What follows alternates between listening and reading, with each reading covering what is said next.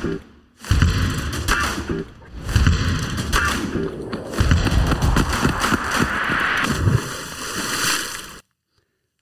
lytter til Idrettsforbundets podkast Idretten vil. Jeg heter Knut Harald Sommerfelt, og med meg, som vanlig, er Johan Konradsson. Hei. Hva er det vi tar opp i eh, Idretts-Norges podkast, Johan? Dette er podkasten for deg som får litt høyere puls når tema idrett. Du vil møte mennesker som har stått for fantastiske øyeblikk, men også de som ligger bak. Ja. Og i dag så skal vi snakke om eh, breddeidrett til toppidrett, med fokus på en av de mest sentrale rollene for å lykkes i dette arbeidet, nemlig trenerrollen. Og dagens gjest her i studio er en av de som har stått for uh, de mest fantastiske øyeblikk for oss nordmenn på håndballbanen i uh, over 20 år. Han er, født, han er ikke født i Norge, uh, men han flytta hit for å studere på idrettshøyskolen og trivdes så godt at han blei her, og det er vi veldig glad for. Og etter at han tok over som landslagssjef, så har han sørga for hele ni mesterskapsgull i henholdsvis EM, OL og VM har blitt kåra til verdens beste kvinnelige trener fire ganger av Det internasjonale håndballforbundet. Og da vi møtte deg under Idrettsgallaen, så det ganske nylig, så var det med beviset på en ny tittel, nemlig Årets trener. Og vi ønsker deg hjertelig velkommen til Idretten vil, landslagssjef Torir Hergeirsson. Ja, tusen takk. Hvordan har du det? Jo, jeg har det ganske bra. Det er full fart, og jeg liker å jobbe, og jobbe med mennesker og prosesser. og det er full fart mot nye mesterskap. Men du bare hopper jo på å si ja til å være gjest her i Idretten vil. Og da vi nevnte tittelen på denne nye podkasten, så, så, sa du eh, ja, ja, idretten vil veldig mye. Kan du utdype det? Ja, altså Det ligger så mye muligheter i idrett. Det ligger så mye engasjementsmuligheter. og og ut, mulighet til å utfolde seg og, og få til uh, både lag og prosesser og sånn, så, så ligger mye, eh, det ligger mye uforløst kraft i, i, i idrett og idrettsengasjement. Eh, ja. Det ligger jo en uh, stor tyngde i idretten, som du sier, og mange har forventninger overfor sine barn. Og vi vil at, skal, at, idretten skal bidra på, på mange områder, egentlig. Og da er det jo indirekte et press på trenere, både i breddeidretten, men da spesielt topp. Og du følte vel på et forventningspress sånn rent prestasjonsmessig når du tok over etter Marit Breivik i 2009? Ja, det vil jo være å ljuge og, si at en ikke kjenner på det. Det kjenner jeg jo på jevnt. Eh, men så er det jo litt sånn skrudd sammen at jeg, jeg liker jo utfordringer. Og, og, jeg liker jo å jobbe med noe som folk bryr seg om. Eh, og pleier å si til meg sjøl, og, og, vi pleier å si det gjerne i, i laget vårt, eh, håndballjentene, at vi vil jo mye heller at folk bryr seg og mener mye om det vi holder på med, enn at de er likegyldige og ikke følger med. Så, så, det skaper jo både energi, men også forventningspress. Det gjør det. Men forventningspresset til oss og håndballjentene er jo stort innad, altså hos oss sjøl. Eh, så, så lenge en trives med det, og det gjør jeg, så, så går det helt fint. Eh, men så er det jo også sånn at det går an å velge bort. At du tok over etter Marit Breivik, og du har innfridd skikkelig eh, over mange år, og nå fikk du årets trener på Idrettsgallaen. Hvordan føler du? Jo, det er en stor anerkjennelse, fordi at det er veldig mange dyktige trenere og ledere i norsk idrett. Mm. Eh, ekstremt eh, gode resultater i store internasjonale idretter, og trenere som har gjort det veldig bra. Så, så det er en stor ære. Bare det å være nominert syns jeg er en anerkjennelse. Og så tenker jeg jo at jeg representerer trenende team, fordi vi har en sterk tradisjon for å jobbe i team. Og i trenerteamet så har jeg med meg Tonje Larsen og, og Mats Olsson som mine nærmeste. Eh, Og, og, det er på en måte en pris til eh, teamarbeid. Det, det, er, eh, det, er, godt du sier det. Det er liksom teamarbeid. Eh, men du er jo fra Island. Har du liksom dratt med deg noe av den islandske kulturen til Norge? Altså Sønnen min, han, hvis vi går litt sånn utafor det idrettslige, da, så, så, har han en islandsk venn som og veldig ofte når han kommer hjem etter et besøk der, så sier han Mammaen til Torkil lager så utrolig gode pannekaker, kan ikke vi også lage sånne pannekaker av mamma og pappa? Hva er det som gjør disse islandske pannekakene gode? Nei, Det er jo mer dessertpannekaker enn de norske. Norske er jo litt mer sånn middagsmat. Tjukke og litt mer mat i de. De islandske er uh, søtere med litt vanilje, vaniljesmak. Tynne. Det er litt mer sånn uh, dessertpannekaker. Så nytes gjerne med Godt syltetøy og krem. Du er glad i å bake? Øte. Ja, jeg har pannekakejern islandsk hjemme, så jeg lager pannekaker eh, med jevne mellomrom. Og ungene elsker det jo, så, så det er en, eh, en, god kaffemat. Men uh, på tross av, uh, av pannekakene, så, så, valgte du å reise til Norge. Var det eventyreren i deg, i Torir, som valgte da å reise i 1986 til Norge for å studere? Eh, ja, det var nok det. Det var jo også fordi at jeg så for meg at hvis jeg ville eh, gjøre mer enn å ta lærerutdannelse, kroppsøvingslærerutdannelse, som jeg kom inn på det studiet på Island samtidig, så kunne jeg velge hjemme på Island eller i Oslo. og så så jeg for meg at videre mulighetene for studier var større i Norge. Og så eventyrlyst. Det var jo de to tingene sammen som gjorde at jeg valgte å reise til Oslo. Mm -hmm. Nå har du vært trener for landslaget veldig lenge, men du gjorde vel noe annet innenfor idretten før du kom så langt? Trener for barn ungdom? Ja. Hvordan eh, begynte det?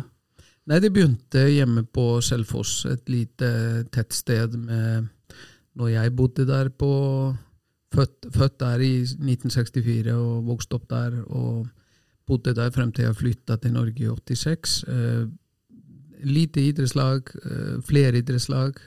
Ungmennafjellet Selfoss, som det heter. Eh, flere idrett. Vi var veldig heldige som holdt på da, når jeg var barn og ungdom. Eh, vi hadde samme treneren i håndball og fotball. Han var også kroppsøvingslæreren vår, så han hadde full kontroll på totalaktiviteten, noe som kanskje er større utfordring for idrettsungdom i dag. Men der var jeg med på fleridrett, så ble det jo mest håndball etter hvert. Begynte som trener i ja, 70 år, jeg var vel 15-16 år. Da begynte jeg å trene yngre lag parallelt med å spille sjøl. Og Sånn var det jo, og er fortsatt, i mange små klubber rundt omkring, også i Norge. Så jeg har jo holdt på å trent jenter og gutter og menn og kvinner og toppopprette siden ja, 1978-79, noe sånt. Imponerende reise. Altså, du er mm. kommet fra ungdomstrener til eh, landslagssjef. Eh, og du er jo blitt eh, på en måte håndballteknisk opplært i Norge, men du har jo kanskje dratt med deg noe fra Island også, siden du starta tidlig? som ja, trener? Ja, det kan du si. Altså, jeg har jo vokst opp med at uh, du har sjøl uh, stort ansvar for å være med og bidra til at laget du spiller på, blir godt. Uh, vi blei tidlig utfordra, så jeg er veldig for involvering av spillere på reisen. for både spillerens utvikling, men òg involvere spillerne i forhold til det å bygge laget, og hva laget trenger. Um, men du kan si det som har vært kanskje hjørnesteinene i kvinnelandslaget i håndball, uh, både før min tid som hovedtrener med Marit, så har det handla mye om teamarbeid i ulike former. Det har handla om involvering og medansvar. Laget blir så bra som hver og en evner og er villig til å bidra med inn. Mm. det er en god setning. Eh, og så handler det også om eh, helhet. At man ser utøveren i sentrum, og at vi er forskjellige mennesker og trenger litt forskjellig både coaching og, og rammer. Og så handler det også om eh, at vi ser muligheter fremfor begrensninger. For begrensningene er mange. Hvis vi bare velger å ha fokus på det. Prøver vi liksom å få en attityd som handler om at ok, hva er det vi kan påvirke? La oss ha fokus på det, og, og heller ikke bruke så mye energi på det vi ikke får gjort noe med. Så, så det er jo også å ha kontinuitet på spillersida og på trenersida vært en suksessfaktor. Ja, akkurat det du sier der med kontinuitet er jo ganske imponerende. Det har ikke vært mange utskiftninger i, i eh, lagledelsen eh, siden 80-tallet. Man stoler på bygger eh, på en måte et, et lag over lang tid. Mm. Ja, og når vi snakker om bygge lag, så, så, er jo kanskje det en av de tingene som jeg, jeg syns er, er morsomst. Jeg syns det er veldig gøy å være med utøvere og diskutere utviklingsmål, og eh, så følge de og coache de på veien mot å nå nye mål.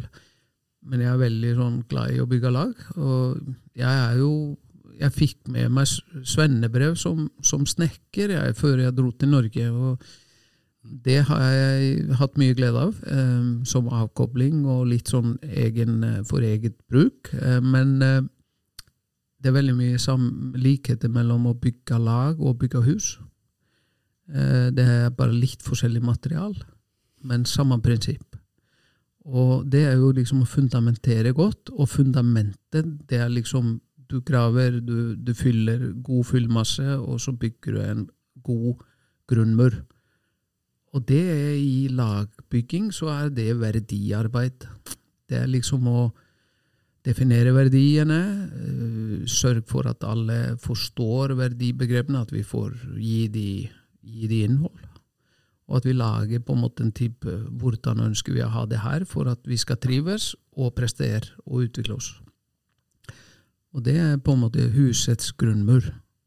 Og så skal det være reisverk, og det skal holde både vind og vann, og det skal tåle jordskjelv, eh, helst, eh, uten å ramle i hop. Eh, så, så, det er veldig mange overførings... Sånn, sånn i prinsipper på å bygge hus og bygge lag. Så det har jeg hatt mye glede av. Det er vakkert. Det er jo den eh, assosiasjonen der. og da mm. står fundamentet når det stormer som eh, verst. Men jeg lurer litt på hva er det som skiller din tilnærming, eh, eller filosofi, da, som trener fra Marit Breivik sin eh, filosofi? Ja, si det er et godt spørsmål. Det som, det som er at Jeg tror jeg og Marit vi, vi har jo fått ganske lik bakgrunn både sånn eh, i forhold til vår oppvekst i idretten. Vi har vokst opp litt i samfunn med sosialdemokratiske prinsipper. Eh, eh, og, og, vi har fått mye samme på en måte niste og bagasje gjennom vår ungdom og barne- og ungdomsidrett. Så det tror jeg liksom begge to interessert i det pedagogiske, motivasjon. Så jeg tror vi hadde mye til felles. Så er vi veldig Vi er jo ulike personligheter. Jeg er litt mer vulkan. Marit er mer mm. Selv om hun kan uh, si fra, så, så, er hun kanskje litt mer uh, behersket. Jeg var jo ordentlig vulkan i min tidligere år som trener, men har jo lært meg etter hvert å temme, temme, temme det litt mer. Uh, vi er nok likere på mer enn vi er ulike, vil jeg tro. Det kan jo hende man kan trenge en, eh, en vulkan innimellom også, eh, når, når, det byr seg. Nå er det en temmet eh, vulkan, da. Det biter jo ofte, merker jeg meg, at du snakker om, om menneskene, mm. spillerne, som individer, og at du bygger de, sørger for at de liksom leder seg selv, og, og samtidig da bidrar i kollektivet. Mm. Ja, vi er alle Vi pleier å vi har en sånn billedliggjøring av det her, egentlig. Eh, og bruker en fantastisk tekst som Tage Danielsen, svensk forfatter og skuespiller og sanger, som eh, Vi er egentlig bare en dråpe. Og den eneste og viktigste opp, eller den viktigste oppgaven til hver dråpe er å sørge for å holde det andre oppe. Og gjennom det så kan vi holde på å si, flyte eller drive mot drømmen, mot målet. Eh, og ingen enkelt dråpe har evne til å flyte sjøl. Og det vet vi jo. Eh, vi ser jo dråpene de forsvinner i marka, i jorda, og blir til ingenting. Men blir vi mange nok og holder vi hverandre oppe, så blir det jo en fin eh, elv. Og, og det er egentlig veldig sånn symbol på hva som er, hva som er liksom basisen, eller grunnlaget, for alt samarbeid. Samhandling og samarbeid som håndballen og idretten, og særlig lagspillidretter, har til felles, det er jo at vi, vi skal få til ting i lag. Spille hverandre gode. Eh, hjelpe hverandre både med- og motgang. Så, så det er sånn, et bilde som vi gjerne liker å bruke for å minne oss om hva er viktigst.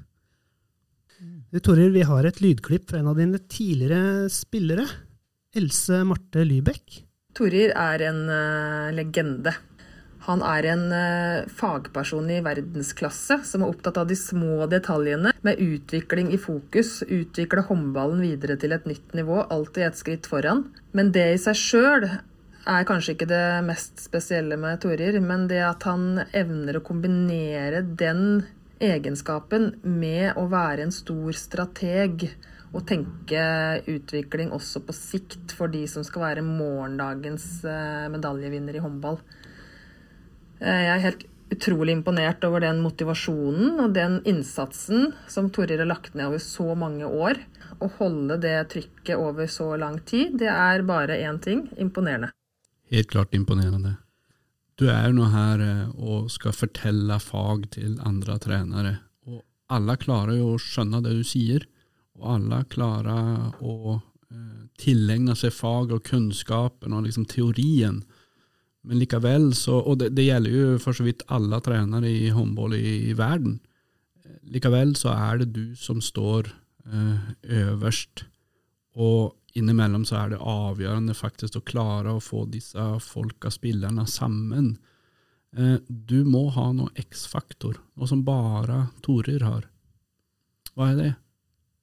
Eh, det vet jeg ikke. Jeg tror det, jeg tror det er mer eh, Ydmykhet er en av sammensatt. Ja, ja, altså jeg, jeg, er veldig god til å være klar over hva jeg kan godt, og hva jeg kan mindre godt. Og jeg tror jeg er ganske flink til å supplere min kompetanse med god kompetanse av andre. Ehm, jeg er ganske flink til å gi ansvar til eh, de som blir med meg og rundt meg, eh, sånn at de føler at de har, et, eh, har tillit til å bringe sitt inn. Altså, det er jo spillerne som lærer oss trenerne mest. Eh, for at vel å merke spillerne som tør å stille spørsmål, mm. utfordre oss, fortelle hva som er viktig for dem for at spilleren skal utvikle seg. De er en veldig viktig utviklingsdriver for trenere. Og de kan ofte fortelle oss trenere mye mer enn det vi får med oss. Eh, men da er det klart at da er det jo viktig at de, de har mulighet til å, til å ytre sine synspunkter. Og, og, derfor så er jeg tilhenger av involvering. Eh, mm. Absolutt. Så, så, ydmyk, lyttende og tilrettelegger. Det er en Ja. ja. Og så er jeg, jeg, jeg er fryktelig glad i å konkurrere. Altså, jeg syns det er gøy å konkurrere. og og like den dynamikken det skaper. Um, og så kan jeg kalle en spade for en spade. Det koster meg ikke kalori. Det var vulkan. ja, nei, det oser av X-faktorer her. Eh, både Johan og, og, jeg vi er idrettspappaer, og, og, mange av lytterne våre er i den kategorien. Det fins mange idrettsmammaer og pappaer i norsk idrett som har ambisjoner for eh, barna sine av og til så kan det bli litt eh, som et ekstra trenerteam på sidelinja. Har du opplevd eh, det, eller? Altså ikke i toppidretten, men eh, breddeidretten? Ja, jøss. Jeg har jo sjøl vært eh, ungdomsspiller med ivrige foreldre på sidelinja. Ikke, ikke mine, da, men med noen ivrige pappaer. Eh, selv om det var noe mindre engasjement i den tid av foreldre. Det er mer i dag, og det er jo det er jo det fantastiske ved norske idrettsmodellen, det er jo at uh, man, skal, man, kan delta i aktiviteten til ungene. Uh, og foreldrene er jo helt avgjørende for at den norske idrettsmodellen skal fungere. men alt kan bli for mye eller for lite. Eh, det kan bli for mye engasjement og for mye for store ambisjoner og for høye krav og forventninger. Og, og så kan det òg bli for lite. Så, så, det er en gyllen middelvei å liksom prøve å finne en, en god uh, balanse på det. Og det er også individuelt. Altså det, barn og ungdommer er forskjellige. Noen uh, liker å bli pusha litt, og andre trekker seg og blir stressa av at uh, ambisjonene er holdt jeg på å si, det er foreldres ambisjoner og ikke dem sine egne. Så, så det, det, der tror jeg ikke finnes noen god oppskrift på. Men jeg har jo stått i det her. Jeg, jeg har hatt gleden av å faktisk trene mine egne unger i håndball, først og fremst. Eh, mens jeg har vært i trenetime på landslag kvinner eh, i håndball. Og så har jeg kommet hjem fra samlinger med toppspillerne, og så har jeg dratt i Klepphallen og, og, og hatt treninger med 10-11-12-13-14-åringer. Det er fantastisk interessant å, å, oppleve liksom å gå fra det ene miljøet til det andre, hvor mye av grunntinga er helt likt. Altså, det er helt fundamentalt for håndballjentene, samme som gutter 10 eller uh, jenter 12 eller 14 på, på et, Det er trivsel, idrettsglede. Altså det skal være lystbetont. Men trivselen og tryggheten legger på en måte grunnlag for utvikling og, og, det å ha lyst til å komme og møtes igjen og være en del av den gruppa. Og der har jo foreldre viktig rolle i forhold til sosialiseringsbiten. Eh, oppdragelsen i forhold til hvordan vi er i forhold til hverandre, altså verdigrunnlaget. Idrettsglede, trivsel og mestring. Og Det er like viktig for håndballjentene som det er for de små ute i det ganske land når de kommer på trening. Så, så det er veldig mange fellesfaktorer som ligger helt i bunnen for at vi skal eh, ønske å komme tilbake på trening eller landslaget eller klubblaget eller barneidretten eller hva det er. Det handler om glede, trivsel og, og mestring. Og det er mange trenere som på en måte er så heldige at de opplever eh, barn og unges mestring. Vi har kommet til skråblikket, og som i forrige episode så har vi hanka inn et skråblikk på idretten. Denne gangen så har vi fått eh, Øystein Pettersen, tidligere olympiske mester på ski, og nå idrettspappa og frivillig i idretten. Han har dette å si. Skråblikket. Dette syns jeg er viktig. Sånn frivillighet. Frivillighet. Det er ingens jobb. Det er derfor det heter frivillighet. Men det er alles ansvar. Vet du, Alle påvirker. Enten du vil eller ikke. Det går ikke an å være nede på idrettsanlegget uten å ha en påvirkningskraft på de rundt deg. Og enten så trekker du de opp, eller så trekker du de ned. Og da må du velge da, hvem du har lyst til å være i det du trer inn på den matta. Hvis du setter deg som forelder ved siden av de frivillige, drar fram mobilen og sjekker Instagram, Facebook, Snapchat, TikTok, Twitter og alt annet faenskap, påvirker du gruppa di opp eller ned? Kulturen sitter i den energien og den dynamikken de folka som er der nede, skaper. Og det, med fare for å provosere igjen, da, det er jo de folka som ikke har tid til å bidra, som sitter på siden og ser på telefonen sin. De er der, og de bruker jo en time der nede på telefonen sin eller på noe annet. Og så har de ikke tid til å bruke den timen sammen med ungene. Det er sånn, ok, ja ja, men uh, hvem er jeg til å dømme over det? Men vi koser oss med ungene dine, bare så du veit det. Alle tror jeg er enige om at ja, vi skal skape en god, eh, godt idrettsdag eller godt miljøløp. Men hvem som skal gjøre det? Nei, det er ikke kommunisert. Nei, det er sikkert noen andre. Og så sitter man i andre enden så faen, det ble ikke som jeg hadde tenkt, eller som jeg hadde tenkt. Ja, sa du det? Nei, det, det, det var ikke min jobb. Syns du han er litt eh, krass, uh, Torir? Ja, Øystein han pleier å si eh, snakke rett fra levra, og, og, ofte med glimt i øyet, på en fin måte. Det er jo en, et alvor, men samtidig òg sannsynligvis litt sånn glimt i øyet, med litt eh, humor i det, og det er en fin måte å, å, si det på. Det er en samfunnsutfordring i dag, eh, både for foreldre og ikke minst også for de barn og ungdommene som vokser opp, at eh, det er langt flere ting som påvirker oss i dag. Uh, les sosiale medier, Internett, enn vi ble utsatt for når vi vokste opp. Uh, det var enklere. Det var mindre stimuli, på en måte. så er det noe positivt i disse verktøyene. Og så har alltid alle sånne ting har både en oppside og en nedside. eh, Fordeler og ulemper. Så det er nok, eh, vi er nok i en fase hvor vi gjør litt eksperimentvirksomhet på barn og ungdom eh, og voksne. Og så vil vi forhåpentligvis lære noe på veien. Men det, det han er innom der, eh, det er det vi jo kaller, kaller, kaller å være til stede. Altså tilstedeværelse. Men vi har jo de andre enn nå, da. De som er overengasjerte. Ja. Og de som er litt over the top, eh, nesten tar over på sidelinja. Og eh, vi kan jo høre da hva, hva barna selv tenker om at foreldrene står og heier og høyer eh, sånn på, på dem fra, fra sidelinja.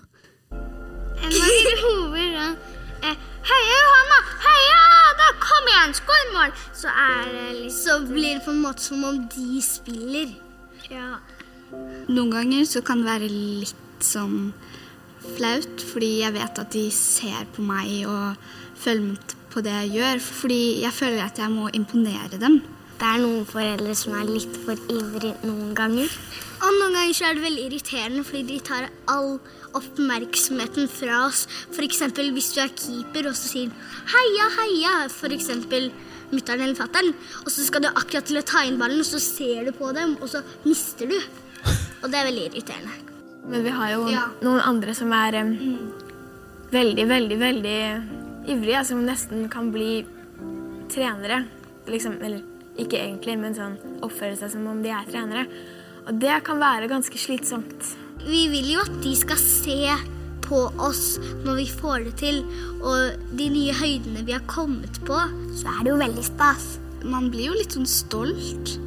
Fordi hvis man klarer noe, så er det sånn, så vet man at eh, foreldrene står på sidelinja og ser på. Og da blir man litt sånn Ja, man får en sånn god følelse inni seg. Tusen takk for at du heier på meg, mamma og pappa, når jeg kanskje spiller litt dårlig. De er jo ganske søte, da. De forstår liksom eh, altså at foreldrene står der og heier på dem og ønsker at de opplever mestring, men de føler tydeligvis på et press òg, og at de skal være stolte av dem. Ja, det er noen ganger klokt å lytte til de små. Det går an å, å flytte Nå i, i dagens samfunn er det jo veldig mye fokus på det perfekte. Eh, Hvis vi ser medier og annet, så, så måles ting riktig og galt, svart og hvitt, topp og bunn. Det er ytterpunktene hele tida, og det vokser jo den unge generasjonen opp med. Og da er det lett å tenke sånn. Så, så jeg tenker jo at kanskje den viktigste tingen foreldre og trenere for yngre utøvere det er liksom å, å, å- spørre de litt om eh, hvordan de opplevde kampen. Hva, hva følte de at de fikk til? Fikk de gjort noe av det de har trent på? Og så videre og så videre. Istedenfor å spørre bare om resultat. Så, så det er veldig viktig å liksom prøve å dreie fokuset mot eh, hva, hva opplevde du som bra? Hva, hva fikk du til? Hva fikk laget til? Var det noen som spilte godt, eller gjorde, gjorde noe fint? Eh, Istedenfor å måle alt på antall skåringer og seier eller tap. Der tror jeg vi voksne kan bli mye, mye flinkere. Det handler jo liksom litt om altså Jeg opplever deg som veldig pedagogisk, og det er jo ikke så rart, men eh, det er jo ikke alle eh, idrettsforeldre som har den eh, utdannelsen i bånn. Det er litt sånn tilfeldig. Så, så jeg synes, setter veldig stor pris på de, de små tipsa der, altså. Ja, eh, nå har jeg jo fått gleden av å være i det her gamet i, i eh, over eh, 40 år. Eh, så man lærer noe på veien, og, man, og jeg, jeg gjør fortsatt noen feil, jeg òg. Så, så det er jo, du lærer jo så lenge du har lyst til å lære. Eh, du lærer ikke så lenge du lever, hvis du ikke har lyst til å lære. Eh, så er det liksom mer å finne den balansen, å være god støttespiller til stede. Eh, oppmuntre og støtte, og noen ganger eh, røske litt i de når det trengs. Men, eh, men, men liksom la de, la de sjøl litt få definere hva, hva er viktig for de, eh, og ikke, ikke hele tida måle alt på seier og tap. Ja, for idrettsarenaen er jo også en, en mulighet for å røske litt i dem og liksom eh, skape litt robusthet. Eh, vi lever jo i et samfunn hvor vi syr puter under armene på, på barna våre i stor grad. Eh, ønsker liksom ikke at de skal eh, oppleve ubehagelige ting. Er ikke det viktig også? Helt klart. Og, og det, derfor så sier jeg jo at det, det er liksom eh, Man lærer å håndtere seire og nederlag i, i idrett. Eh, og, og, med riktig tilnærming så, så kan nederlagene være god lærepenge. Eh, og, og, og, det å, å, forholde seg til andre, forplikte seg, det er også et veldig ord som jeg er veldig glad i. Eh, for at med en gang man, man, stiller opp og blir en del av et lag, så, så, så, er det noen uh, rammer, det er noen forventninger, og det er noen mål. Uh, og så forplikter man seg til å være med på det løpet.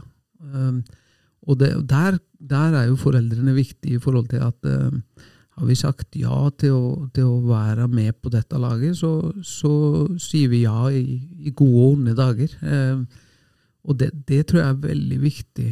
Men Torir, du har jo eh, holdt på lenge. Hva er det som driver deg til å fortsette som landslagstrener? Du har vel familie, hus og hjem og bursdager og høytider.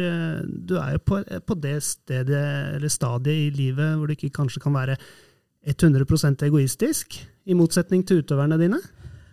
Ja, eh, nå er det jo sånn at jeg har hatt eh, ei kone og barn som har eh, gitt meg muligheten til å holde på med det her jeg gjør, med relativt mye reisedager. Eh, til gjengjeld så har jeg forsøkt å være til stede når jeg er hjemme.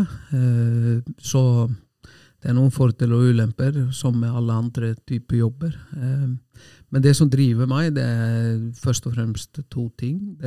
Og det viktigste delen av det er at jeg jeg trives veldig med å jobbe med mennesker, og både individuelt og som gruppe, i forhold til å definere mål. Sette, ta, og sette opp konsekvensene og skape forpliktelser for å nå de måla. Eh, den prosessen liker jeg å jobbe med. Enten det er med enkeltutøvere eller teamet rundt eller, eller laget. Det er den største drivkraften. altså Være med å skape et utviklingsmiljø som, som, er forutsetning for prestasjoner. Det er det ene. Og det andre er at jeg fortsatt syns det er gøy å konkurrere. Måle krefter mot andre på toppnivå. Og se om vi klarer å vinne og nå nye mål da, eh, med litt ulike spillere og ulike forutsetninger. Torir, du eh, lever i en prestasjonskultur som er opptatt av å bygge mennesker. Eh, og du evner på liksom å utfordre de rundt deg eh, i dette hamsterhjulet av eh, et prestasjonssamfunn, egentlig, da, som, vi, som vi lever i. Du forteller om en robusthet, betydningen av det å reise seg igjen, og vite at det ikke er enden av verden hvis du taper når du er fem år. Tusen takk for at du gjestet Idretten Vill.